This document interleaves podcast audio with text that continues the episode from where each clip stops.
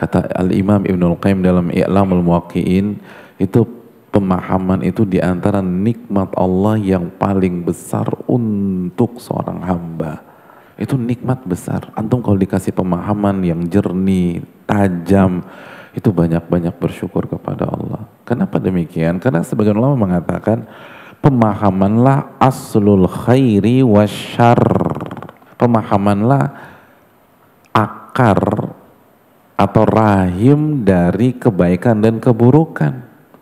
Karena setiap langkah kita, setiap sikap kita, setiap gerak-gerik kita itu lahir dari pemahaman.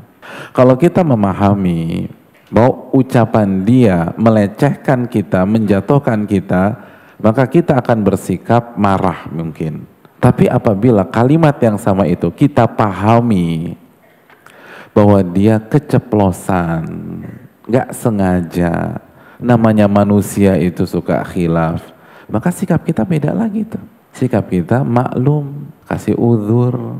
Itu satu kalimat tuh hadirin. Beda pemahaman, beda respon. Pemahaman tuh mahal. Satu kalimat, satu kejadian, itu yang membuat yang satu nangis, yang satu senyum tuh pemahaman setelah taufik dari Allah Subhanahu wa taala tentu saja. Makanya kan tadi kita Ibnu Qayyim mengatakan pemahaman adalah nikmat yang Allah kasih, anugerah yang Allah kasih. Fonisnya sama, mohon maaf Bu. CA payudara stadium 4. Nasallallahu alaihi Tapi kenapa yang satu nangis, yang satu tabah? Itu pemahaman. Yang satu yang nangis kenapa? Memahami ini adalah bencana besar akhir dari kehidupannya. Perpisahan selama-lamanya dengan suami dan anak-anak. Adapun yang tenang itu tabah dia memahami ini adalah momen pengguguran dosa.